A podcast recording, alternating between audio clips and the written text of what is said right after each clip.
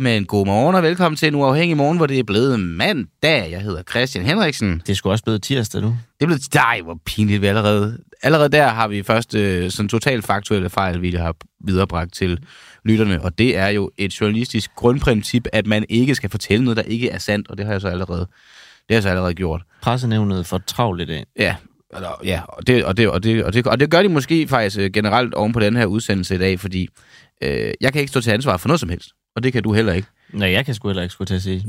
Fordi vi ved ikke, hvad der skal ske. Vi to ved i hvert fald overhovedet ikke, hvad der skal ske. Nej, vi er lidt i, sådan, øh, i lytterens sted i dag, måske i virkeligheden, når man tuner ind og ja. Tænker, nå, hvad skal vi høre i dag? Ja, det finder vi ud af, hvis vi hører hele programmet. Sådan har vi det også. Vi har også bare sætter sig ind, og så har vi så fået at vide, der er lejtet nogle gæster op til, og der kommer nogen ind i studiet, der er nogen over telefon. I ved ikke, hvad de er med om, øh, men det skal I spørge dem om. Altså, vi, vi, præmissen er, eller konceptet er, at vi spørger dem, hvad er det første spørgsmål, vi skal stille til dig? Ja. Og så skal interviewet ligesom udfolde sig derfra. Men jeg kan dårligt nok sige mere, for jeg, jeg ved ikke ret meget mere. Nej, det er en art forsøg på Ja. at, at se, hvordan en times morgenradio så lyder, Og når, det er jo når øh, præmisserne er som beskrevet. Og en af præmisserne for en uafhængig morgen, altså vi har sådan et manifest, hvor en, en, af, en af grundkernerne, en af, en af sådan de, de, de mest highlightede punkter, det er, at vi er uforudsigelige. Og, og det, det er vi jo så zoomet ind på nu, og, og, og i en eller anden grad forstærket, og man må sige, at vi er uforudsigelige, for vi ved ikke engang selv, hvad der, er, der skal ske. Men nu, nu kommer den første gæst ind, så, så skal jeg bare lige trykke på, på den her, så kan vi se, om det er. Nej, Godmorgen. velkommen til. Ja, du må selv, du må selv bestemme, hvordan du kommer ind. Og jeg, jeg, jeg kan jo...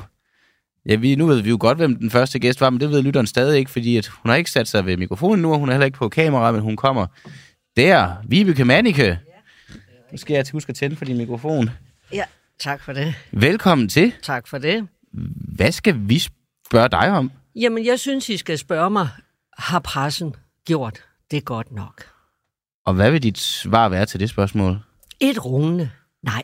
Altså, i hvilken forbindelse? Jamen, hvis, jeg synes jo for det første, savner jeg jo selvrensagelse hos pressen. Ikke kun jer, som kalder jer uafhængig, mm. men hos pressen as such. Okay. Når man kigger tilbage på de sidste tre år, hvor gjorde vi fejl? Og nu taler jeg om jer som pressen. Jeg taler om jer, som kalder jer uafhængige osv. Mm. Hvor gjorde I fejl? Hvorfor har I ikke været igennem en selvrensagelse i forhold til jeres rolle under selvfølgelig det store coronabedrag, altså mm. coronakrisen? Mm.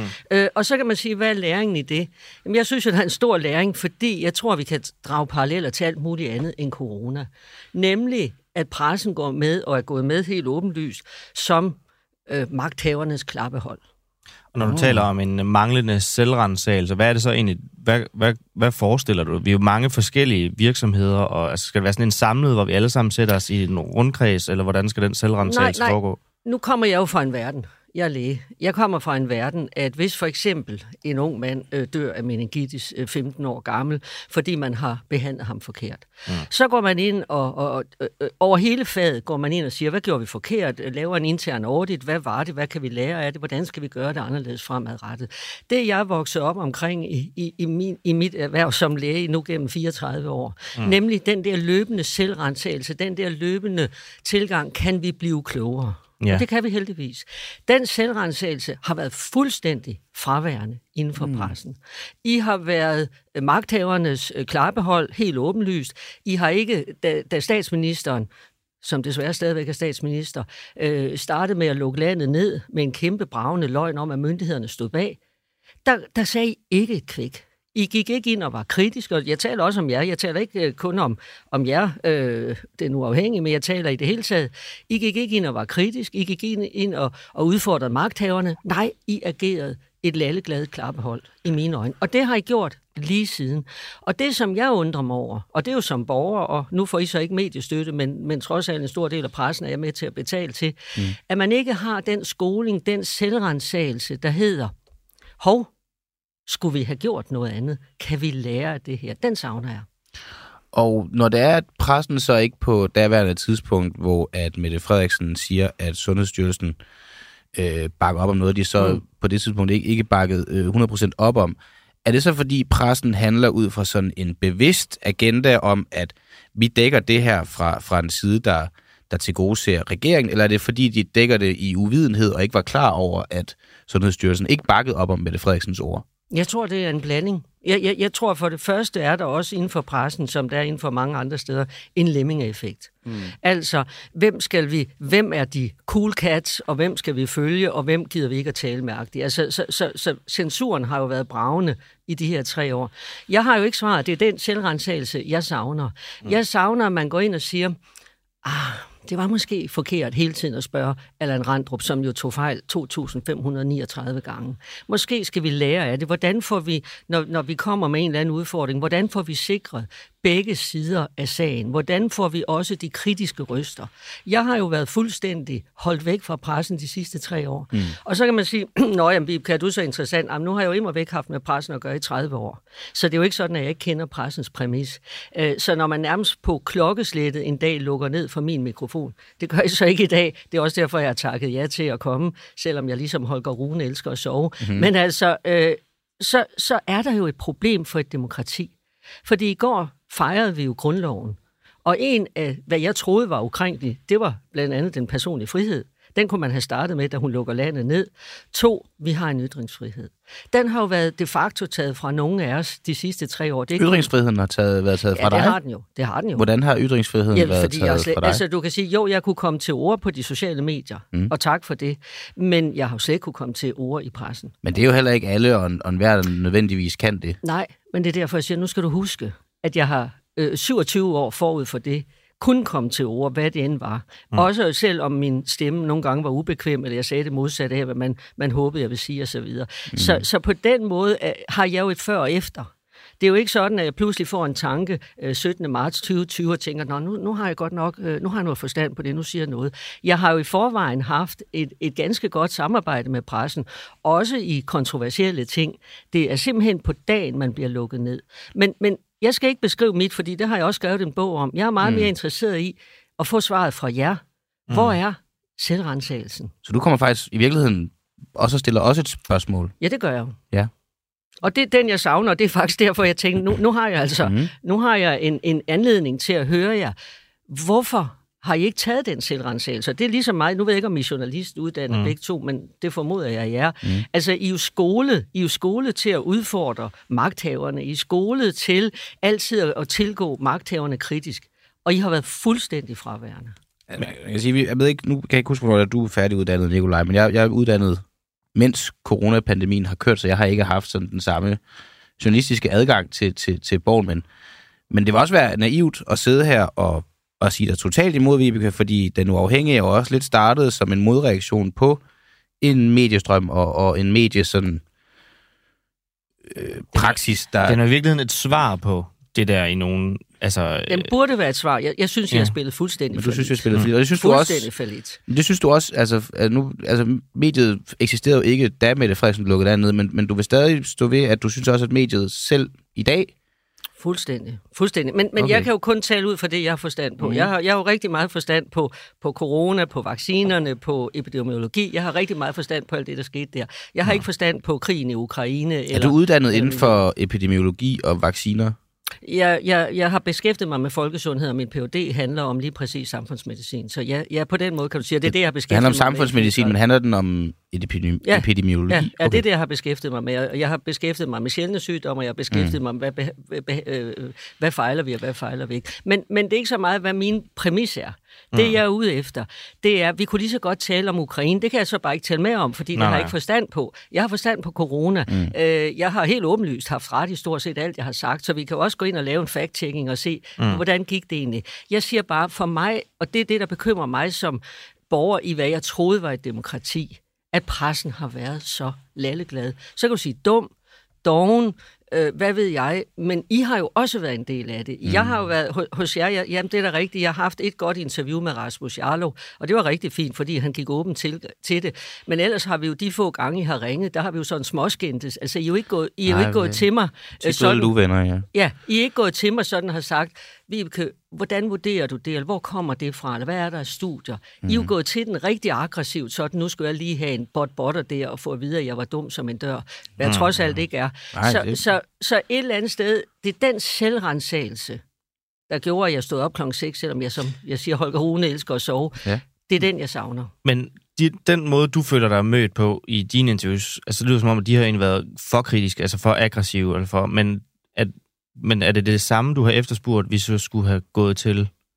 Jamen, nu er jeg jo ikke retfærdigvis magthaver. Altså, jeg er jo den kritiske røst. Ja. Så, så man kan sige, jeg mener jo, pressen har en stor forpligtelse. Nu læste jeg også jeres erklæring derude. Øh, Jeg mener, I har en stor forpligtelse til at til enhver tid udfordre magthaverne. Jo. Jeg er ikke magthaverne. Mm. Øh, det vil sige, at når I interviewer mig, som man jo har gjort øh, 30 år forud, så er det jo som ekspert, eller som en eller anden i et eller andet sted tænker, har nogle kvalificeret øh, viden omkring et eller andet. Jo. Men, men det er jo ikke mig, man skal gå aggressivt til. Vi skal jo ikke skændes. Vi har skændtes hver eneste gang, jeg er blevet interviewet af jer, så har vi skændtes. Ja. Det er jo ikke sådan, man behandler en ekspert i mine øjne. Jeg tror ikke, I har skændtes med Var Allan Randrup. men er det ikke sådan, vi skulle have behandlet Allan Randrup? Glem Allan Randrup. Det er Okay. sådan, I skulle behandle Mette Frederiksen. Det er mm. sådan, I skulle behandle, da hun lukker landet ned. Der skulle I have fundet grundloven frem. Nu er jeg med på, at der var I der ikke, men nu taler vi lige så meget om pressen. Ja, ja, ja. I repræsenterer pressen nu. Øh, der skulle man have fundet grundloven frem, set, at den personlige frihed er ukrænkelig. Og så skulle man have udfordret hende det øjeblik og sagt, hvem er det egentlig? Hvem er de myndigheder? Hun stod og løg. Hun løg jo. Det kan koste hende en rigsretssag. Det burde koste hende en rigsretssag. Mm. Hvem er de myndigheder? På hvilket grundlag lukker man? Men det gjorde man ikke. Nej, til gengæld så agerede man det helt store klappehold, for hold da op, det var farligt. Mm. Og da jeg så går ud og siger den 17. marts, det her er fuldstændig ud af proportioner, det, det, det, det har ingen hold i tal, vi har så få tal, vi har så små tal, vi er så langt hen på foråret, it's not gonna happen. Mm. Der bliver jeg defameret, latterliggjort og lukket ned for. Mm. Og, det, og så gik man aggressivt efter mig. Hver eneste gang også vi snakkede, så var det sådan, ah, men nu er, og der er mange. Nej, I skulle have haft en kritiske tilgang, ikke til mig, eller en anden ligesom mig, men til Mette Frederiksen. Og den har været fuldstændig væk. Men det interview med Mette Frederiksen, Mm. det har vi jo, altså, der er ikke særlig mange ting, vi ikke vil give for at lave det Nej. interview, men, men præmisserne på pressemødet, altså nu lyder det, nu er jeg virkelig forsvar, i forsvarsmode her, Ja. ja. og det må man jo så tage for, hvad det er. Men det var jo, at øh, der er tit, så må man stille et, plus eventuelt et opfølgende spørgsmål. Øh, så, hvad skal man sige, de interviews, vi har kunnet lave med dig, Ja, ja, ja. ja. har jo i nogle tilfælde ikke været muligt at lave med dem, man godt kunne tænke sig at kunne lave det Nej, på men- det tidspunkt, fordi Men de du havde... rammer jo plet, fordi lige præcis de pressemøder, de var jo pinlige. Det var jo sådan, man sad og krummede tær. Jamen, der Fordi kan vi man godt havde, mødes. Man havde et spørgsmål. Mhm. Mm-hmm. Jamen, så stil da, undskyld jeg banner, men så stil da for fanden et kritisk spørgsmål. Men mm. det var jo det helt store klappehold. Ej, er der tre mere døde? Øvs. Altså, det, det hele var jo fuldstændig, man gik med på den der fearmongering. Man mm-hmm. gik med på den der, det der narrativ. Fordi jo, man havde et spørgsmål, men så brug det da kritisk. Så, så der er jo mange, der har sagt det samme. Nu er trods alt ikke de første, jeg, jeg vil lige vil sige, bag mikrofonen har diskuteret det her mm. øh, med. Men, men I havde jo muligheden, og igen, så er det ikke personligt, ikke, ikke det hele i hvert fald. Nej, men det- Ikke? Men, men I havde jo muligheden, og alligevel sad man og var fuldstændig genoldig, lalleglade, dumme at høre på. Mm. Og det er der, jeg siger, hvor er den selvrensagelse hos jer som fag? Men hvad så nu? Fordi at, øh, vi kan ikke lave noget om, der er sket for to-tre år siden. Nej. Altså, hvis vi nu skulle ændre noget, nu kalder du på selvrensagelse. Mm. Øh, jeg, når jeg kigger ud over medielandskabet, så vil jeg sige, at for no, i nogen grad, så har det ændret sig. Altså, der er en anden tilgang til... Vi har i hvert fald for vores vedkommende lavet rigtig mange vaccinehistorier og øh, kritiske indslag om alt, hvad der sker Mm. øh, fra Nævnte magthavernes hånd. Nævnt i vores studie. Nej, men, altså nu er jeg ikke bekendt med dit... Nej, Hvem nej. er det, har lavet det studie? Vi Men, har jo lavet et studie, hvor vi var inde og kigge på data. Det var, når du siger vores, så er det Nå nej, men det, det, det, det, det er blot for at sige, det er jo en del af den samme fortælling. Vi har lavet et studie, hvor vi var inde og kigge på øh, det her med, at øh, hvad hedder det, bivirkninger relateret til vacciner øh, knytter sig særligt til nogle udvalgte badges. Og det har vi lavet ud fra de danske øh, data. Er det et anerkendt studie? Det er et anerkendt studie. Peer-reviewed? Review, peer reviewed okay. og det hele har været indtil videre set rundt omkring i verden af 50.000 mm. øhm, øh, og bliver tweetet rigtig meget, ikke herhjemme, men i udlandet, blandt andet mm. i Japan. Det har været gennem fuldstændig peer review. Men hvad er det med dig, Vibeke, der gør, at, at du har ret i så mange ting, men så... Altså nu, ifølge dig selv har ret i rigtig mange ting, men, men nu siger du så også, at det her studie bliver bredt anerkendt i udlandet, mm. men herhjemme i Danmark er der Mm. ikke nogen, der vil, der vil røre det. Nej, jeg ved ikke, om man ikke vil røre det, men det, det er jo fuldstændig den samme. Altså, det er jo det, jeg siger. Det er jo fordi, jeg i de sidste tre år er blevet latterliggjort, defameret, udskammet og så videre. Men er der noget ved måden, du fremtoner i medierne på? Er der noget ved måden, du Nej, er nej, på? nej, noget, der ikke nej, stemmer jeg- overens med nej. din faglighed Nej, der? nej, nej, det er der ikke. Fordi nu skal du stadigvæk huske, nu er I så unge, og I er nyuddannede unge, og vi er ikke helt jævnaldrende. Jeg kan se på jer, jeg er lige et par år ældre end jer. Nej, men det er ikke meget ældre. Øh, det er ikke meget ældre, det er præcis. Nu skal du huske, at jeg har haft et tæt samarbejde med pressen i 30 år forud, mm. med samme personlighed, med samme indsigt, med samme dybe stemme, med samme øh, jargon og så videre. Det sker på en dato. Mm. Så nej, nej, den køber jeg Okay. ikke. Og du kan så sige, at det her studie er jo immer væk, fordi det er jo rigtigt. Jeg har i hele coronakrisen vel lagt to 2.500 post op med data, med tal og alt så videre. Og, og dem kan I jo gå ind og fact-tjekke. Altså, det er jo så også den anden del. Men her går vi ud det sted og publicerer noget med peer reviews, som trods alt har skabt noget røre internationalt. Men nu er det ikke så meget det studie, vi skal tale om. Det er mere jeres selv, manglende mm. selvrensagelse. Ja. Og det er apropos, fordi du spørger med, hvad skal ja. man gøre? Jeg synes jo også, det er tid til at sige, okay, hvad skete der?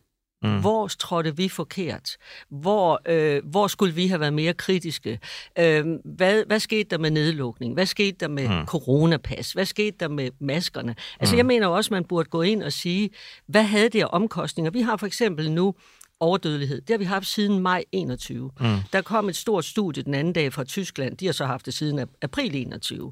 Granskningen. Hvorfor har vi en overdødelighed? Den kan du ikke relatere til corona as such. Men Der har der været skrevet om den overdødelighed. Nej, fordi så går den Nå. jo ind, og, og ja, så går den jo ind sådan og bliver øh, talt lidt om, som om, men det, var, det var fordi, der var nogle gamle, der døde af corona. Det er jo ikke rigtigt.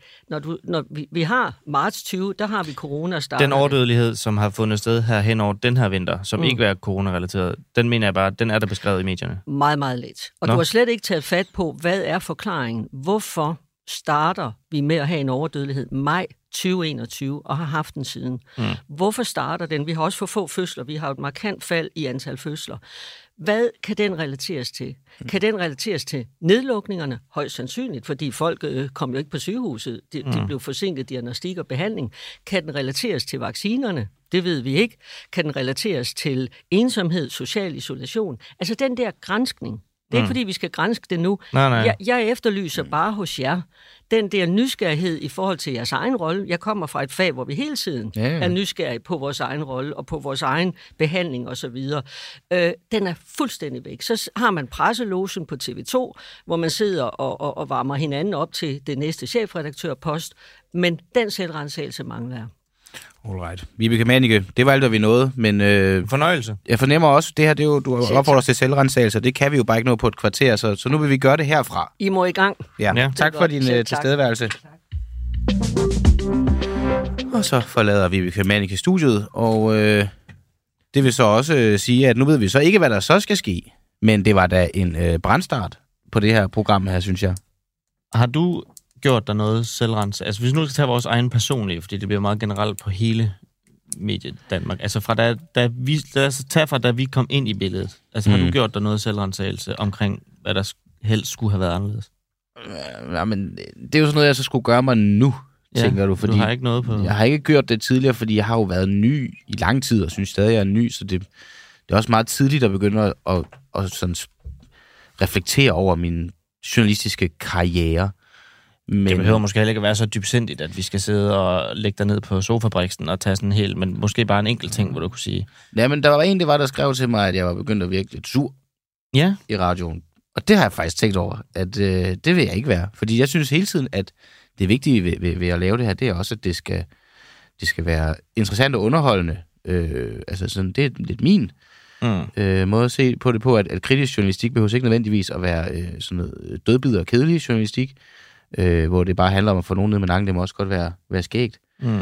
Øh, så den, den ramte mig lidt. ja. Har du renset dig selv øh, over øh, nogen sådan... Nej, altså hun nævnte det med, at, at hun egentlig, at Vibeke egentlig følte sig øh, ramt meget af meget kritiske interviews, når hun mm. var med. Og for, hun påpeger det her med, at hun er jo ekspert, så derfor skal hun ikke øh, rammes af kritik. Og det tror jeg faktisk helt modsat. Ah, Det var det, jeg prøvede at komme ind på. At, øh, at jeg har fundet ud af siden da, at øh, hvis der er noget eksperter, altså hvis det er noget, det ikke skal være, så de altid bare skal have lov at udlægge teksten. Vi er jo også nødt til at stille dem kritiske spørgsmål. Ja, Uanset hvem det er. Det må aldrig være gratis at komme ind. Og det vil man jo så give Vibeke ret i, at det er måske særligt noget af det, man har erfaret under coronapandemien. Det er i hvert fald nok noget af det, folk har oplevet, at det bliver meget sådan, lad os høre på det her fortog kl. 11 om aftenen. Øh, Altså, Hvor hvad, hvad, hvad sandheden er. altså i virkeligheden. Ja. I stedet for, at vi skal som journalister jo på en eller anden måde gå ind og, og deltage også i det, der bliver fortalt. Så det er også det, når vi så øh, sådan prøver at, at gå lidt mod noget af det, Vibeke siger, så det er jo også en måde at forstå sig selv bedre på, og, og, og få hende til at forstærke hendes budskaber. Jeg, jeg, Ellers faktisk, jeg synes faktisk oprigtigt talt, der var nogle af de ting, hun sagde, der var rigtigt. nok. Jamen også fordi ellers så er vores arbejde jo ligegyldigt. Alt det, Ja. Så kan vi jo lige så godt bare videreformidle eksperternes øh, Facebook-kanaler, og så lade dem trykke det øh, budskab, de havde. Så, så kan vi lige så godt droppe journalister, hvis ikke vi skal gå ind og stille kritiske spørgsmål. og vi skal heller ikke, altså det vil også være pjattet, hvis vi påstår, at vi skulle være en radio, der ikke går ind for selvrensagelse i sådan journaliststanden, fordi det er jo virkelig det, øh, projektet er, er opstartet på. Det er mm. jo sådan en retssag, hvis ikke sig selv, så i hvert fald sådan den journalistiske tilstand, og, og finde ud af, hvad er det, hvad er det der mangler? Jo. Nå, men, vi bliver spurgt, om vi er klar. Jeg Jamen. trykker på den her og siger, vi er klar til næste gæst.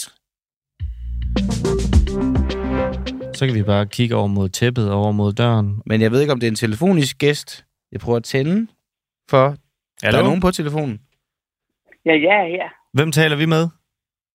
Ja, I taler med Margrethe Augen. Hej, Margrethe Nej, Augen. hej Margrethe. Hvordan går det med dig? Hej.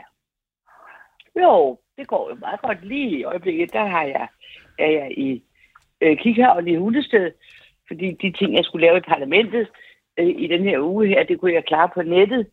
Og så tænkte jeg, så vil jeg spare skatteudgifterne, klimaet og mig selv for Mm. rejsebelastningen. Sådan. Men det er sjældent, jeg gør det. Men det har jeg gjort den her uge. Oh, Ja. Hvad er det, vi skal spørge dig om, Margrethe? Skal vi lige hurtigt lige tage mig. vent et øjeblik. Du er bare lige Ja. for, at vi har lytterne med. Du er europaparlamentariker for SF. Ja. Og så, og så lad os så høre, Ja. hvad, hvad, hvad, du skal, Jeg eller har hvad vi skal spørge dig om. Folketinget i over 20 år, og så Ja. snart 20 år i Europaparlamentet. Og vel også... Øh, mig, hvad, nej, jeg vil bare sige, du er også en, en, en, en skrabkælling. Nej, Og det har du da Ja, ja, klar. erklæret dig ja, ja. her hos Jeg er os. klar og tydelig. Jeg, jeg kan ikke snakke, jeg kan ikke snakke sådan noget politikersprog, hvor I ikke Mm. kan høre, hvad jeg siger. Nej. Jeg kan ikke snakke. Og derfor er vi glade for at have dig med. Og hvad skal vi spørge dig om så? Undskyld, nu afbryder vi dig ikke mere. I, ja, I skal spørge mig om, hvordan jeg håber på, at vi kan redde vores natur, som er i elendig forfatning. Mm. Øh, og sammen med naturen jo altså også klimaet, de to ting hører sammen. Og jeg kan fortælle jer, at øh, samtidig med, at vi jo altså står med øh, den situation, at øh, 81 procent af, liv, af dyrenes levesteder, de, altså vilddyr og alle mulige levesteder i Europa, er i meget dårlig stand, at 1677 dyrearter er truet med udryddelse i Europa, og at Danmark ligger i den meget, meget dårlige ende af det her. Vi er det land, der er mest opdyrket. Vi er det land, der har i Europa, et af dem måske, eller nej, jeg tror ikke, der er nogen, der er værre, hvor vi har mindst plads til vild natur. Mm. Så det er jo ikke sådan, at vi kan komme og sige, at vi er forgangsland på andet end den helt for- forfærdelige måde. Må vi bare lige koge Øh, det ned det- til... Dit, dit spørgsmål går på, hvordan håber du på, at vi kan redde klimaet og naturen? Ja, altså, øh, hvordan håber jeg på det? Jeg håber på det, men hvordan tror jeg, det kan lade sig gøre? Mm. Og øh, der må jeg altså sige, at tingene ser meget slemme ud i øjeblikket, fordi det skal I så også lige vide, at øh, EU og kommissionen, som er jo dem, der kommer med vores love, med forslag, de er faktisk kommet med et smadret godt forslag her for nogle tid siden. Mm. Det første store naturforslag i 30 år Mm. øh, om naturgenopretning, hvor de foreslår altså virkelig en stor genopretning, både af havnaturen og af, øh, af den vilde natur. Og vi har arbejdet med det et godt stykke tid. Og nu Mm. her for en, ikke så længe siden, der forlod den store konservative gruppe, mm. øh, der forlod de forhandlingsbordet, fordi de er under voldsom pres fra lobbyister for det store kemiske landbrug. Øh, de er jo for erhvervsfiskerne, som jo ødelægger vores havbund med trålfiskeri fra skovdriften. Og de har forladt det, og øh, alt tyder på, at øh, vi, vi har, nu har vi en kamp lige nu, øh, om vi overhovedet kan få flertal for den lov i Europaparlamentet. Mm. Øh, og jeg frygter altså meget, at vores egen regering også er blevet loppet flade af øh, den kemiske, det kemiske landbrug, øh, imod at vi skal begrænse pesticider, imod at vi skal begrænse udledninger af nitrater, og vi skal sandelig ikke genere det erhvervsfiskeri, der ødelægger vores øh, hav, så der ikke er fisk tilbage til os. Men det er egentlig, Og det er meget må, må jeg lige bide fast Ja, i, uh, din anklage er jo Ja. egentlig ret voldsom, at, uh, at det er direkte Ja, påvirket ja. af deres uh, interesseorganisationer og deres lobbyer, både for den konservative Ja, del, som så skulle være sprunget fra, og nu også uh, Ja, videre. de, de, har, de har loppet de konservative. Altså, det er ikke politikerne, det er jo ikke politikerne, der er lobbyister. Men Nej, det nej. er de store øh, organisationer, Ja, og de har også påvirket den danske regering ganske voldsomt. men øh, SF, I, I i bliver ikke påvirket af jeres, altså alle bliver påvirket af interesser, I bliver ikke uh, påvirket i jeres politik. I, jo, altså, vi har jo, altså, vi er selvfølgelig, jeg, jeg snakker, det er ikke fordi, jeg ikke snakker med lobbyister. Altså, vi har Nej, masser af dygtige lobbyister fra, fra miljøsiden, fra, fra, øh, fra, hvad hedder det, så jer, er jeres lobbyister, de er, de er dygtige, men konservative, de er onde og presser dem ud i beslutninger, de ikke Nej, kunne men tænke sig du, alligevel. må, du må follow the money for det første. Men det Altså, kan man vores jo for eksempel ikke ved SF. Vi kan jo ikke se præcis, hvem der betaler hvad til jeres partikasse. Jamen, det var ikke det, jeg sagde til når du skal sige, når du ser på en lobbyist. Nå. Øh, Hvis du ser sådan nogen som, øh, øh, som, som øh, Greenpeace, som, øh, som den grønne ungdomsbevægelse, Mm. øh, så, så de, de, de tjener jo ikke penge ved det her. vel? De, skal, de varetager jo ikke deres egne økonomiske interesser. Ja. Og, øh, og, og vi har, øh, og jeg kan lige sige, at det er så langt fremme nu, at, øh, at alle de eksperter, vi kan komme i nærheden af, er meget alarmeret over det. Så kan du sige, hvem er eksperterne? Ja, det er altså blandt andet øh, EU's miljøagentur i København, altså, som siger, at det her det går forfærdeligt. Det er fiskeriet, hvis jeg har hørt de der store klager, fordi 70 procent af havbunden omkring Danmark er død. Mm. Det er jo ikke noget, når vi bare sidder og siger, at det er bare sådan lidt politisk videre. Så øh, det vi kan, men vi kan bare se, hvor indflydelsesrige de har været, og de kommer med to helt skøre påstande. Den ene skøre påstand er, at det bliver sult i verden, hvis ikke vi, har, hvis, hvis ikke vi får lov at forgifte naturen. Det er så min forkortelse. Mm. Men altså, hvis ikke vi må sprøjte det til, så bliver, der, så bliver der sult i verden. Nej, tværtimod, hvis vi producerer fornuftigt, og hvis vi spiser fornuftigere, end vi gør nu, så bliver der mere mad i verden, end der er i øjeblikket. Og så siger de også, jamen hvis alt det der beskyttede natur skal igennem, det er altså 30 procent beskyttet havbund, så kan vi ikke lave vindmøller, hvor til, jeg må sige, tværtimod. På havbunden, der betyder de store vindturbiner, at der kommer kunstige rev, og så kan der jo tråles, Mm. og så kommer der øh, masser af, af fiskeyngel og muslinger, og så har fisk og fugle en fest, fordi der er mad. Så det fungerer langt de fleste gange rigtig Mm. godt sammen. Men, Men nu, det er noget, af det, du, noget af det, du siger her det, det kunne jo godt for mig lyde som om, når du siger, at hvis man sprøjter, øh, så leder det til mindre mad. Men hvis altså, det kunne jo godt for eksempel lyde som noget, man har fået at vide af Økologisk Landsforening. At det, at det var sådan tingene forholdt sig. Ja, ja, men det kan også, fordi de har jo en høj produktion også. Men vi har det også Nå, for, det var bare fordi, du talte så meget om interesseorganisationer før, hvordan det ødelagde Ja, ja. al beslutningstagen nede hos men jer. Altså, jeg siger det på, nej, ikke alting. Jeg kan da, nej, og jeg har heller ikke sagt, at de alle sammen var lige dårlige. Og nogle af dem, altså da de økologiske landmænd har vist, at man godt kan lave en høj produktion uden at mm. bruge øh, øh, gift. Og jeg har ikke sagt, at man slet ikke kan sprøjte. Man kan godt gøre det, de er klogere også. Mm. Men vi har, de har altså modsat sig. De har modsat sig øh, landbrug og fødevare, at vi begrænser den, det voldsomme brug, vi har af, af øh, pesticider. Der skulle have været en revision nu af vores pesticidlovgivning. Den har de modsat sig. Øh, og prøv lige at lægge mærke til, hvis du sådan lige kigger der omkring, hvor meget færre fugle øh, vi har i Danmark. Vi har, ja, vi har mange kraver, vi har mange måger, og vi har mange, og det er også sjove fugle. Meget, meget færre små fugle er der kommet Hmm. øh, i Danmark. Insekterne, Hvor mange Det dejligt, færre småfugle er der kommet i Danmark? Har du noget sådan nogle tal på det? ja, det har jeg ikke talt på. Det er første gang, jeg lægger jeg mærke til det. Men er det bare, fordi, altså, er det, er det bare se- observation, som Margrethe Augen har gjort sig, at der er færre småfugle i Danmark, eller er der nogen, der bakker det op? I en periode, Ja, hvor du altså, arbejder mestendels i Det Belgien. er bare... Nej, jeg er jo, jeg er jo meget i Danmark. Jeg er rigtig meget i Danmark. Men altså, Belgien er, er- er det bestemt også. Men hvis jeg nu for eksempel sætter en gang til, at, at øh, 81, der slutter af 1677 dyrearter, og det er blandt mange fugle, er truet. Har du ikke lagt mærke til, at der er meget færre sommerfugle? Har du ikke lagt mærke til, at der er meget, meget færre insekter? Og så kan du sige, det er da meget rart, at man ikke skal gå og vaske en bilrude hele tiden. Og det er da meget rart, at man ikke skal klø sig for mygstik hele tiden. Der er meget færre myg. Øh, og øh, Men er der nogen, der bestrider det det egentlig? Altså, hvem bestrider det?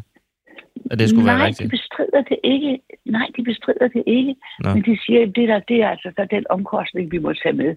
Øh, Det er vigtigere, at vi kan få lov til at sprøjte, end at vi har fugle. Ved du, at den første store miljøbog, der kom, og det er jo altså rigtig mange år siden, det var tilbage i 59, fra en, en engelsk biolog, der hed øh, Arke Carson, hvor hun skrev en bog, der hed Det, det, det tavse forår, hvor hun havde opdaget på grund af sprøjtegiftene, hvor meget færre fugle der var, der sang her. Og det var så, så kom der sådan en masse ud af det.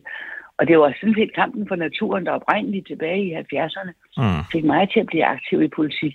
Så jeg har fulgt det meget, meget nøje. Og okay. så kan jeg jo lige få til også til det her, at øh, klimaet, altså hvis vi skal have en chance for at få begrænset CO2-udledningen, så er det at have en rig og mangfoldig og vild natur helt afgørende. Okay. Altså men det, man, glemmer, man glemmer tit, at naturens, øh, altså en, en robust natur Mm. er en meget vigtig del af klimakampen også. Mm. Margrethe Augen, europaparlamentariker for SF. Tusind tak, fordi at, øh, du var med til at, at stille dig selv spørgsmål her til morgen. Ja. Ja, og håber jeg, at vi får vores regering til alligevel at holde med børnebørnene. Jeg har otte af dem, og de må Sådan. gerne leve i en sjovere verden. Yes. Jamen, det- Det er jo et helt vælgergrundlag, du har på vej der. ja, der er der nogle gode stemmer at hente. Ja. Tak for det. Så tak. Det var altså hele Danmarks Margrethe Augen, og også hele EU. Så hvis man lige er tunet ind og tænker...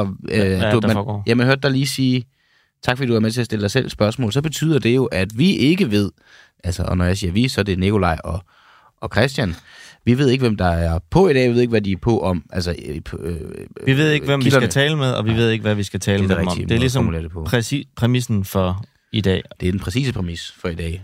Og øh, det vil så også sige, at vi, vi ved jo ikke, hvad det, hvad det næste skal være. Vi har Indtil, indtil videre har vi talt med Vibeke Manniger om, hvor selvrensagelsen i det danske medielandskab er blevet af, et spændende om, interview. med. Margrethe Augen om, hvordan hun selv håber på, at vi kan redde klima og natur. Det, der ærger mig lidt, det er, at vi ikke øh, havde et kort overlap, hvor vi havde Vibeke Mannicke og Margrethe Augen på samtidig, fordi det Mm. havde været Clash of the Titans. Jeg vil gerne høre øh, Vibeke Mannicke øh, fortælle Margrethe Augen, at hun nok ved, hvordan skabet skal stå, og, og vice versa. Nu kommer Tobias ind, men det er uden en kilde. Tobias, det er vores morgenjournalist, og øh, han har bare kaffe med, og ikke... Ej. Og, men, men altså, jeg er nødt til at bare lige spørge dig, Tobias, er, er næste vedkommende klar? Eller, øh, Øh, det er mit indtryk her. det er dit indtryk. Er det en, der kommer ind i studiet, eller er det over telefon? Øh, det er en over på. Det er en over telefon. Fedest. Og noget, vi har fået at vide, det er, at... Øh, ja, det ligner altså noget rigtig tynd kaffe. Tobias, han har lavet kaffe to gange i det. Begge kender, de har simpelthen været øh, tynde som... Øh, ja, det ved jeg ikke. Øh, pis. Øhm, Kæft, det virker også forkælet, vi sidder her. Der er nu og bare brokker os over kaffen, vi ikke selv har lavet. jo, jo, Men- og heller, heller ikke havde med til at lege nogle af kilderne op. Vi og har ikke lavet lavet som helst. til i dag. Jeg, har skal ikke- bare dukke op. jeg, intet, jeg skulle bare dukke op her, og så er det eneste, vi har lavet, det er og brokke os over dårlig Ja. ja. kaffe. Men det har virkelig også været dårlig kaffe. Jeg vil bare sige, hvis du, kære lytter, på at smage den her kaffe, så vil du sige, føj for satan, det håber jeg, I får en klækkelig løn for, og det kan jeg satme godt forstå. Der var lige brug for sådan en der, synes jeg. Næste kilde er klar. Mm. Jeg tror, du skal tænde. Så er altså tændt for næste kilde. Hvem har vi med her på linjen? Godmorgen, det er Jens Rode. Hej, Jens Rode. Nå, Goddag, hvor godt goddag. at høre fra dig. Hvad, hvad skal vi spørge dig om? Det, som alle taler om. Hvorfor er Mette Frederiksen reelt set den eneste og logiske kandidat til NATO-posten? Men er hun det? Ja, det mener jeg helt klart. Hun. Altså, på verdensplan? Ja, det mener jeg helt klart, hun er. Hold op. Altså, hvis du kigger på øh, de andre navne, som er i spil, så mener jeg simpelthen ikke, at øh, det er øh, realistiske øh, navne at, øh, at få ind på de der poster.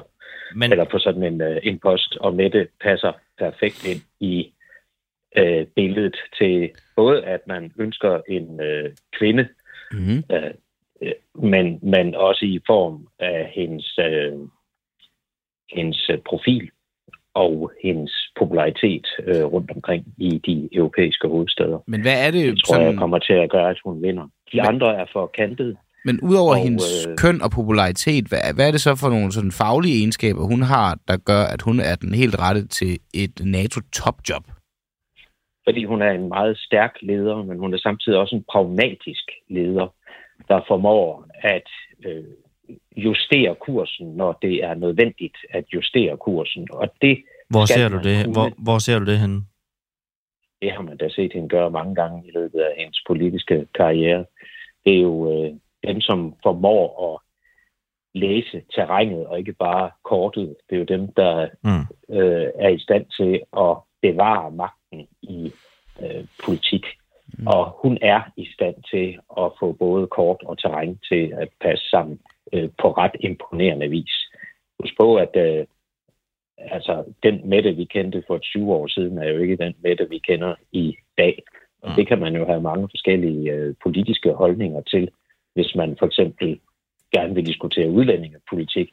Men øh, ikke desto mindre, så er det jo faktisk ret dygtigt gået. Og den måde, hun har fået bygget Socialdemokratiet op på, frem mm. til hun blev valgt som regeringschef første gang, var jo også ganske imponerende oven på det moras, som øh, Helle thorning schmidt efterlod hende. Og mm. sådan kan man jo faktisk blive ved. Øh, hun startede også på en meget sådan national præmis i sin måde at være regeringschef på i 2019. Mm. Men alle kan jo se, at hun er blevet mere og mere international i sin måde at agere på. Hun er, øh, hun tager de pragmatiske øh, indgange. Men er det ikke bare, fordi hun gør sig til for et job, hun godt kunne tænke sig ud, selvom hun siger, at øh, hun ikke er kandidat? Nej, det er jo ikke bare sådan, det er, fordi man, når man kommer ud og arbejder i internationale miljøer, så finder man ud af, at man ikke har en kinamands chance for at få et ben til jorden, hvis man hele tiden kører sin egen nationale præmis. Det er simpelthen politisk selvmord i internationalt øh, miljø. Det er det, øh, mange så har en lille smule svært ved herhjemme, ved at forstå, at sådan er det nu engang. Mm. Og der er man nødt til at, øh, skal vi sige, ændre den spilleplade, man kommer fra, hvis man vil have, at andre ude i Europa og verden skal lytte til en. Og det har hun gjort ret mesterligt, vil jeg mm. sige. Og så, øh, hvis man så kigger på de andre øh, kandidater, en Kaja Kallas, øh, hvis vi nu skal blive inden for kvindeverdenen, Kaja Kallas, den estiske øh, øh, premierminister. Mm. Hun, hende, hende kender jeg særdeles godt. Jeg har arbejdet meget tæt sammen med hende i Europaparlamentet i fem år. Og hun er alt for stedig en, som type, og hun er alt for øh, hård i forhold til øh, Ruslands retorikken, i forhold til at kunne bære den opgave at være NATO's generalsekretær. For meningen er jo ikke med en NATO-generalsekretær, at vi skal gå ud i krig. Meningen er jo, at vi skal finde løsninger, der kan bringe øh, fred i vores, øh, i vores område. Og britterne, jeg ved ikke, om der er mange, der har fantasi til at forestille sig, at øh, de store europæiske hovedsteder vil acceptere øh, en konservativ britte komme ind på den post. Jeg har meget svært ved at forestille mig, at øh, det kan blive en, øh, en realitet. Mark Rutte fra Holland mm. kunne være en god kandidat. Han er også regeringschef men han vil ikke Nej. efter sine. Mm. Og så er der jo ligesom Mette øh, tilbage, og øh, derfor tror jeg, at jeg næsten er klar til at indgå et vedmål om, at vi øh, inden, inden der er gået en måneds tid, har en ny statsminister i Danmark. Men hun... Inden for en måned har vi en ny statsminister i Danmark? Ja, nu, nu er det jo, øh, jeg tror det er den 10. 11. Øh, der skal være topmøde ja. i øh, Vilnius, men tingene kan jo godt være afgjort øh, inden da. Men mm. jeg øh, synes, det vil være et kvalificeret gæt okay. at sige, at øh, Mette Frederiksen er NATO-generalsekretær, når vi når hen i juli måned, og øh, Nikolaj Vammen bliver ny statsminister i Danmark. Men altså, og, og, nu, og det, det her det er jo ikke noget, Mette Frederiksen øh, som sådan bærer hele skylden eller ansvaret for, men vores forsvar har været i en nedadgående kurve i forbindelse med dets, dets forfatning. Øh, det er jo først her op til øh, krigen i Ukraine, at man ligesom igen begynder at optimere på forsvarsfronten, og måske i en eller anden grad indser et alvor af, hvor, hvor dårlig forfatning forsvaret står til i. Og, og det er jo så også sket i de øh, foregående fire år, hvor Mette Frederiksen har været statsminister, at forsvaret ikke er blevet forbedret. Hvad er det for nogle sådan kvalifikationer, du i den forbindelse ser? Fordi der er også mange andre øh, skandaler inden for forsvarsområdet. Der er hele Lars Finsen-sagen, der også har været et, et kæmpe hak i tuden på hende. Hvad er det for nogle kvaliteter, du ser, der gør, at man kan lukke øjnene for hele den del af hendes varetagelse af Danmarks sikkerhed? Jamen, det der kendetegner en virkelig stærk politiker og leder, det er jo evnen til at gribe en krise eller en udvikling og udnytte den til egen fordel. Altså, Mette Frederiksen er en statsminister, der er lykkedes med at få Danmark til at afskaffe forsvarsforbeholdet ved en folkeafstemning. Mm. Hvis nogen af os havde talt om det for 10-15 år siden, at det ville Mette Frederiksen i dag stå i spidsen for, så ville vi jo være blevet lukket ind øh, til forvaring et eller andet sted mm. øh, som, som psykisk ustabile. Og øh, samtidig er hun jo lykkedes med at lave en forsvarsaftale, der kraftigt booster forsvarsbudgettet og finde pengene til, at vi begynder for første gang at bevæge os i retning af at opfylde vores NATO-forpligtelser. Der er ingen danske politikere, der seriøst i mange, mange år har ment, at det betød noget som helst, at man skulle opfylde NATO's forpligtelser på de 2 procent mm. af BNP. Det er noget, man har sagt i skoletaler, og så har man ellers lavet to og to være seks. Okay. Og, øh, øh, og, og, og, og den udvikling, der har været, har Mette Frederiksen så evnet at gribe til en meget, skal vi sige, altså fuldstændig i historisk sammenhæng exceptionel øh, øh, hvad kalder man sådan noget, ikke en kovending, men, men, men, men omkalfatring af ja. dansk øh, forsvars- og sikkerhedspolitik, som den har set ud i de sidste mange, mange år. Og det er så altså noget, man lægger mærke til internationalt, fordi det bliver betragtet som imponerende, og det er det jo øh, i realiteten også. Det er i hvert fald ret godt øh, set, at hun har evnet at udnytte den udvikling og de kriser, der er, til at skabe fremdrift på nogle områder. Og international politik er jo netop kendetegnet ved, at den udvikler sig gennem kriserne, og ikke fordi nogen sidder og tænker mm. store tanker og synes, at det kunne virkelig være fedt. Det er gennem kriserne, at for eksempel hele det europæiske samarbejde har udviklet sig. Det er sjældent øh, i de gode tider, at tingene skubbes fremad, fordi der går det jo lige så godt. Jeg har et spørgsmål i forhold til noget af det første, du nævnte omkring Mette Frederiksen, noget du egentlig også betoner nu, noget af det her med at, sådan at skifte politisk kurs. Det du, det du fremhævede, det var, at noget af det, Mette Frederiksen er rigtig god til, det er at bevare magten. Og nu ved jeg godt, når man taler i, med politiske kommentatorer, altså er der alt muligt strategi, men hvis vi nu bare skal tage det sådan helt, altså kigge på det, hvad det egentlig betyder, er det ikke lidt problematisk egentlig, at noget af det, man kan få mest ros for som politiker, eller noget af det, der kvalificerer en mest til en kæmpestor toppost i blandt demokratiske lande, det er, at man er god til at bevare magten. Det skulle vel helst ikke gerne være pointen med, at de bliver valgt til at sidde der. Nej, du kan jo også vente om at sige, at hvis ikke du er i stand til at håndtere magten, og hvis ikke du er i stand til at gå efter magten, og kun er præget af, skal vi sige, kun lade din idealisme tale, mm. så får du jo ikke ret meget ud af det. Altså, det er jo, det er jo den barske sandhed i politik, at hvis ikke du er i stand til at gå efter magten og se, hvad det er, der kan gavne din position og gribe de muligheder, der kommer, mm. jamen, så kan du jo sidde med nok så rene hænder og være nok så fin og øh, måske nok så tro mod dig selv. Der er bare ikke nogen, der kan bruge det til noget, fordi du har ingen indflydelse. Mm. Um, er det, det, vil, det vil jo så være tredje gang i streg, at man vælger en, øh, en skandinaver til at besidde den her toppost. Øh, hvad vil de andre øh, lande i, i NATO tænke om det? Altså, er det ikke en smule usandsynligt og et lidt dumt signal måske at sende til de øvrige NATO-lande? Nå, men der har situationen jo også bare lige øh, ændret sig ved, at øh, der kommer nye NATO-lande til, og øh, det passer jo faktisk meget godt ind i puslespillet, som det er lige nu. Og det er svært for for eksempel tyrkerne, for Erdogan, at modsætte sig, at det bliver en skandinav på nuværende tidspunkt, fordi han har en kamp kørende mm. i forhold til svenskerne. Og den kamp er vigtigere for ham, end at forsøge at forhindre en dansker i at blive mm. NATO-generalsekretær. Og sådan er det jo også mange gange, at man skal vente om og sige, hvad er det for nogle kampe, de andre har lige i øjeblikket.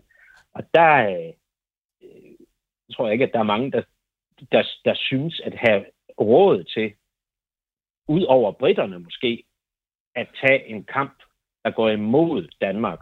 Mm. Og for britterne handler det ikke om at være imod Danmark. Det handler jo selvfølgelig om, at man er uden for det gode selskab i EU, og derfor gerne vil ind og have en af de store øh, poster i øh, NATO. Det er simpelthen meget forståeligt, men hvis du kigger på historikken for øh, konservativ regeringsførelse i de senere år i, i Storbritannien, så er der jo ikke meget, der tilsiger, at man rundt om i Europa vil have den store tillid til en britisk kandidat.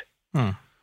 Alright. Jens Rode, du er jo vores politiske analytiker her på en uafhængig morgen, men du er også øh, foranværende folketingsmedlem for blandt andet Radikale og Kristendemokraterne.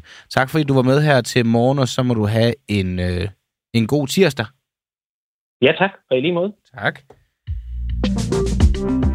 Skal vi bare lige sådan en gang til for prins Knud at sige, at øh, vi ved jo ikke, hvem det er, vi har på og med igennem i dag. Øh, så, så, ja. så alle ligesom ved, at det her det er et uforudsigeligt program, ikke bare for lytteren, men også for os, og egentlig også for dem, der har legnet kilderne op, fordi det er jo kilderne selv, der har besluttet, hvad vi skal spørge dem om.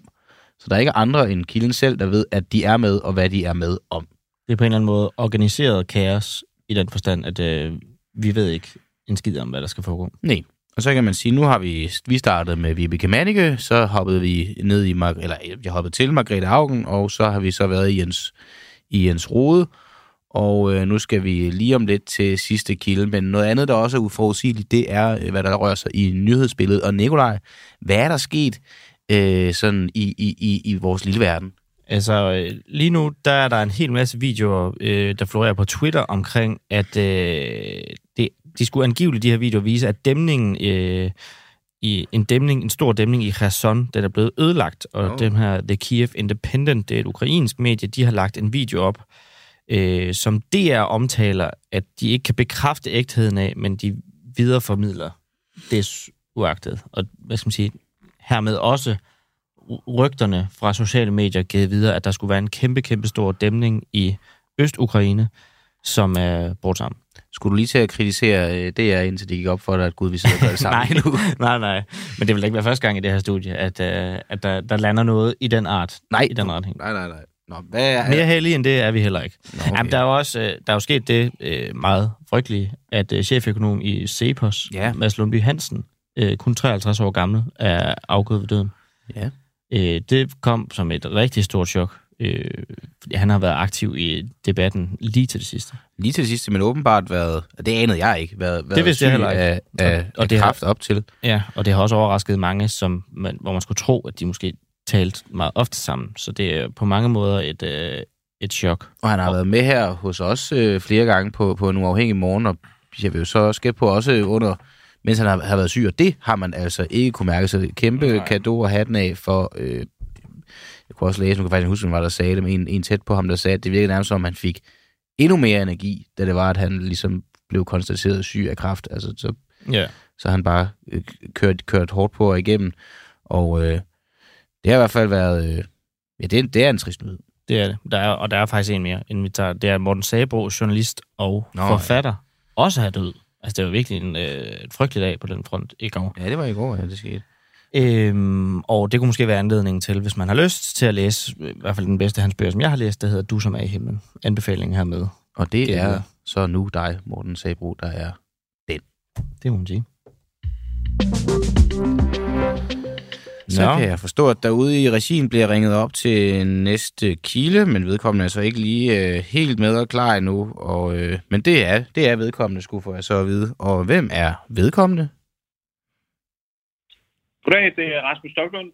Hej, Rasmus Stoklund. Nå, det er længe siden. Godt at høre fra dig. Ja, tak i lige måde. Og du vil vel gerne have, at vi spørger dig om, hvordan det går med dine tomatplanter?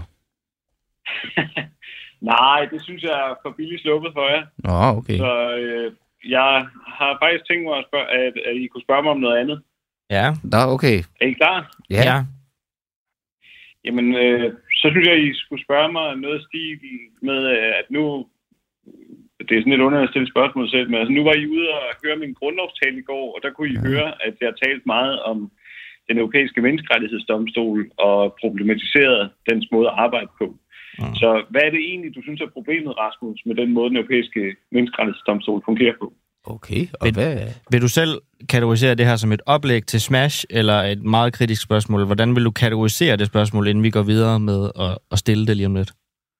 Jamen, jeg vil øh, sige, at det er sådan lidt, det kommer an på, hvordan I bruger det, fordi I kan jo godt bruge det på den måde at sige, øh, jamen det er meget godt, Rasmus, men, men hvad vil du gøre ved det? Fordi øh, det, der, det er der jo alle mulige, der har sagt i mange år. Ja, Og, okay. og, og dit eget parti vil jo stadigvæk være en del af konventionerne og sådan noget, så er det ikke lidt billigt? Okay, Det kunne jo sådan være den kritiske. Og ellers så kunne I jo også bare, hvis I ikke vil lave det kritiske, men bare skal have et godt interview, så kan I jo bare bede mig om at nævne eksempler på, hvad problemerne er. okay. Åh, oh, du kender da sådan strategien både fra den ene og den anden side ud og ind. Men hvad vil du gøre ved Ja. det? Nu, nu ved jeg godt, det var et andet spørgsmål, du stillede som det første, men det synes jeg da er et endnu bedre spørgsmål. Hvad er det, du kan, som man ikke har kunnet øh, før i tiden? Jamen, et, ja, det er jo et øh, svært spørgsmål, fordi dybest set kan jeg jo ikke rigtig gøre så meget. Men det, jeg synes, vi har et ansvar for i fællesskab i dansk politik, og sådan set også i resten af Europa, det er at problematisere, når vi synes, menneskerettighedsdomstolen går for langt. Og det hører jo her med til historien, at oprindeligt så blev den jo etableret, fordi den skulle sørge for, at den europæiske menneskerettighedskonvention den blev overholdt. Og det er jo den, der handler om, at vi skal undgå noget nyt øh, Mm. som holocaust i Europa, altså nye overgreb mod mennesker og forbrydelser mod menneskeheden osv. Mm. Altså en fuldstændig vigtig øh, øh, erklæring, som alle kan bakke op om. Mm. Problemet er bare, at de senere årtier, der er menneskerettighedsdomstolen så begyndt at fortolke meget på den her konvention, sådan at den nu også bringer alle mulige hverdagsspørgsmål til tors. Og der øh, er jeg glad for, at vi i regeringsgrundlaget fik en passage med, der handlede om, at nu skal vi prøve at gøre op med den øh, praksis, hvor at nogle internationale domstole, de går for vidt. Og det er jo vigtigt her at sige, at det er nogen, ikke? fordi tager man sådan noget som krigsforbryderdomstolen i Haag, der ser man det jo ikke. Altså, det er jo ikke sådan, at de er begyndt at tolke på det, og de dømmer alle mulige på krigsforbrydelser hele tiden, uden at de rent faktisk begået krigsforbrydelser. Mm. Men, men, øh, men altså, menneskerettighedsdomstolen, den har taget alle mulige spørgsmål op, som ikke har noget med menneskerettighedskrænkelser at gøre. Altså, den har blandet sig i parkeringsbøder, og i, hvor man må opsætte parabolantenner, hvor meget støj, der må komme fra caféer, Mm. og den slags ting, som jo kan være relevante spørgsmål, men som bare ikke har noget med menneskerettighedskrænkelser at gøre. Mm. Men det er jo så også fint. Nu gjorde du så det der med at, øh, at, at nævne eksemplerne, i stedet for at sige, hvad det er, at du konkret kan gøre, hvad det er, I konkret kan gøre, udover at skrive det i et regeringsgrundlag. Øh, der er jo set før, der er blevet skrevet ting i et, i et regeringsgrundlag, blandt andet kommissioner og så videre, som, som er gået hen og blevet lidt til syltekrukker. Så hvad er det, udover at I kan skrive det i et regeringsgrundlag, I kan gøre for at komme problemet til livs med, at menneskerettighedsdomstolen går for Ja. vidt? Jeg synes faktisk, at det er meget væsentligt det her med, at det er kommet med i regeringsgrundlaget, og det er jeg selv ret glad for, fordi det forpligter trods alt regeringen øh, til at gøre noget. Man vil udnævne en ambassadør, der skal arbejde med det her område, og det er altså vigtigt, at man også fra de højeste instanser i et land prøver at tage fat på det her spørgsmål, og det er jo der, hvor at øh, tidligere regeringer også har taget gode initiativer, altså Søren Pape, da han var justitsminister, der øh, lavede man jo Københavnererklæringen, Mm. øh, dengang Danmark havde formandskabet for Europarådet. Og, og dengang, der øh, lykkedes man jo faktisk også med, der var lavet andre erklæringer tidligere i andre lande, øh, Brighton-erklæringen blandt andet, men der lykkedes man jo faktisk med at lægge et vist pres på domstolen, og øh, der har været en lidt ændret praksis, som er altså set fra mit synspunkt er blevet bedre, hvor der har været en tilbøjelighed til, at de blander sig lidt mindre i nogle Mm. typer afgørelser. For eksempel om øh, hvorvidt at udlændinge må udvises af Danmark eller andre lande øh, eller ej. Og, øh, og det synes jeg jo er positivt. Så derfor synes jeg faktisk ikke, at øh, det er ikke helt uvæsentligt det her med, at vi som land sætter en indsats i gang for at prøve at påvirke domstolen. Og så synes jeg også, at man skal have med, øh, at der er faktisk mange andre lande, som jævnligt bliver dømt domstolen, men som, øh, skal man sige, stort set bare ignorerer dommene. Og der har vi jo sådan lidt mere en, en dukseagtig tilgang, hvor vi tager det meget alvorligt, når vi øh, enten får en dom mod os, eller også at vi registrerer, Mm. at der er nogle andre lande i Europa, der bliver dømt for et eller andet, så retter vi også ind. Har du, har du nogen øh, betænkeligheder ved, når du på den her måde som med åbne øjne erklærer, at, øh, at I ligesom forsøger at påvirke domstolene fra politisk hånd? Nej, fordi det er jo netop øh, her, hvor det er anderledes end en almindelig domstol, som vi kender det i, i Danmark. Altså, det der er jo det særlige ved den europæiske menneskerettighedsdomstol, er jo, at den i praksis også bliver en slags lovgiver, fordi når der falder en dom ved den europæiske menneskerettighedsdomstol, så er medlemslandene, og det vil sige Europarådets medlemslande, så er de forpligtet til at rette deres nationale lovgivning til, så den Mm. passer i overensstemmelse med den dom, der er faldet. Og, og det vil sige, at der er ikke nogen øh, folkevalgte noget sted i Europa, som er med til at afgøre, hvad der skal være, være ret, når at det er domstolen her, der dømmer. Og, og derfor, når den bevæger sig ind på et felt, hvor den i praksis også bliver en slags lovgiver, så er den også ud- nødt til at udsættes for en politisk kritik. Øh, Det var noget andet, hvis den alene forholdt sig til at dømme på baggrund af konvention eller på baggrund af lovgivning, som man kender den danske øh, domstol. Det er derfor, at jeg aldrig vil udsætte en dansk domstol for politisk kritik. Det er jo, fordi de holder sig jo netop inden for Ja. lovens rammer.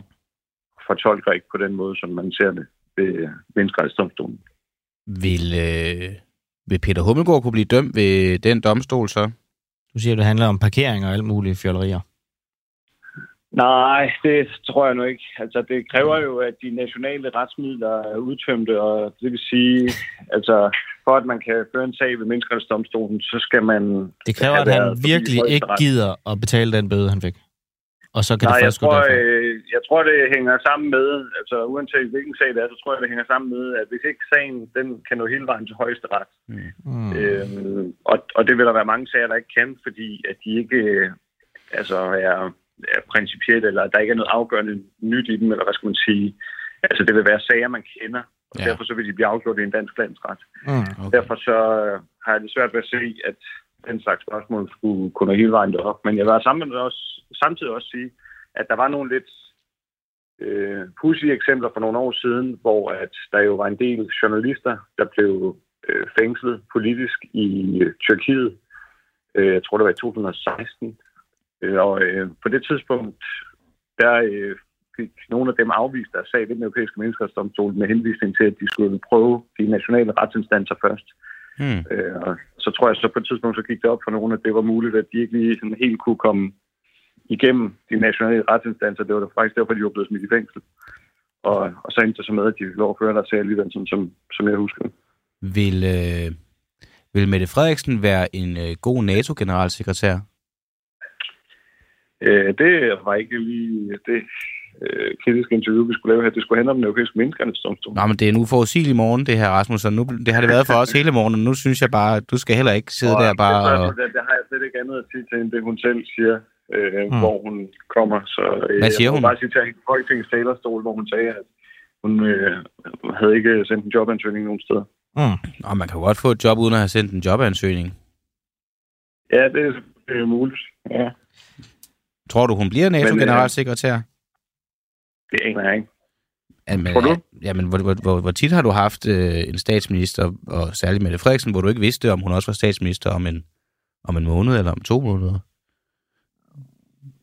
Det har man vel dybest set hele tiden. Men har du før været i tvivl, som jeg så kan høre, du er nu, når du siger, du ikke ved det? Du er vel sikker på, om hun er statsminister eller ikke er statsminister?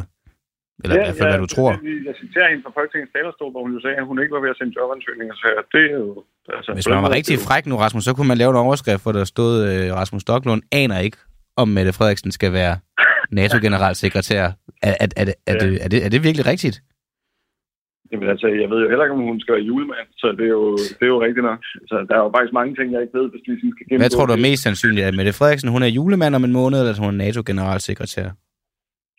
Det ved jeg sgu ikke. Er det rigtigt? Altså, øh, de her tider, der kan det jo godt være, at det betyder, at man skal prøve med en kvindelig julemand, så jeg ved det ikke. Og men det er ikke, altså, det er ikke mere om sommeren, ikke- Rasmus. Det, Er er ikke jul, det er jo juli om en Nå ja. måned. Og der er faktisk mange julemænd på bakken. Okay, jeg vil faktisk medgive dig, der er faktisk et... du skifter væk fra den europæiske menneskerettighedsdomstol. Jamen, jeg har et spørgsmål tilbage, for når du siger, at det er skrevet ind i regeringsgrundlaget. Var det en svær øh, armlægningskamp? Fordi nu kan jeg bare huske, da Henrik Sass øh, lige pludselig sagde, at øh, vi skal rode os ud af de internationale konventioner og domstole øh, tilbage i 2018, så var Jakob Ellemann Jensen jo virkelig hurtigt på tasterne og sige, at det var fuldstændig vildt, øh, hvad Henrik Sass Larsen var ude at sige. Altså, hvor, hvor svært har det her øh, spørgsmål været at, nå til enighed om i regeringsgrundlaget? Jamen altså, det ærlige svar er jo først og fremmest, at det aner jeg ikke, fordi jeg var ikke med på Marienborg, hvor det blev skrevet. Men Mm. derudover, så vil jeg sige, og, og hvis jeg alligevel skal prøve at nærme mig et svar, Mm. altså, øhm, jeg tror, at du har ret i, at det sikkert har været et kontroversielt emne, og man ikke nødvendigvis sådan lige umiddelbart har Nej. Bare at, at det ikke har været det nemmeste afslut. Det kan godt være. Men omvendt, så tror jeg egentlig også, at der har været en eller anden fælles forståelse af, at der var et problem, fordi det var jo under Lykkes regering, af, af regeringen, at man mm. lavede den her Københavner-erklæring, hvor Pape han stod i spidsen for det som justitsminister. Mm. Og det er jo i virkeligheden lidt i den samme ånd, som man har taget op igen i det regeringsgrundlag. Og jeg tror, øh, også ud fra hvad jeg ellers har hørt dem øh, og, og læst, at de har sagt om det her emne, Mm. Øh, for eksempel Mette Frederiksen og Lars Løkke, så tror jeg, at de er bevidste om, og det synes jeg er ret vigtigt, at hvis der skal bevares en opbakning til internationale konventioner og internationalt samarbejde, og det mener jeg bestemt er i Danmarks interesse, fordi ellers er det jungleloven, der kommer til at herske, Mm. så er det også vigtigt, at de her institutioner er deres ansvar bevidst og ikke går for vidt. Og, øh, og derfor kunne jeg egentlig godt forestille mig, uden at jeg var inde i hovederne på dem, at, at de måske har kunne finde hinanden i det her spørgsmål. Og jeg vil også sige, personligt mener jeg ikke, at vi skal forlade konventionerne. Jeg synes for eksempel, som jeg også prøvede at nævne indledningsvis, jeg synes ikke, at den europæiske menneskerettighedserklæring, den fejler noget som helst. Altså, jeg synes faktisk, at alt det, der står i den, det er helt fornuftigt og rimeligt. Jeg synes, det er den måde, den bliver brugt på, som er problematisk. Og, og det kan jo ændres, fordi det har jo ændret sig over de senere årtier. Og det er også derfor, at der i dag ligger 10.000 vis af sager i kø hos den europæiske menneskerettighedsdomstol. Og det er jo ikke, det er jo ikke et udtryk for, at der bliver begået 10.000 vis af menneskerettighedskrænkelser øh, i Europa hele tiden. Det er jo fordi, at den har udvidet sit, sit arbejdsfelt. Alright, Rasmus Stoklund, det var alt, hvad vi nåede i dag. Tusind tak, fordi at du var med her til morgen. Så tak. Og så må du have en god dag. Ja, tak lige meget. Tak. Tak. ja. Det var en uafhængig, uforudsigelig morgen for i dag. Vel?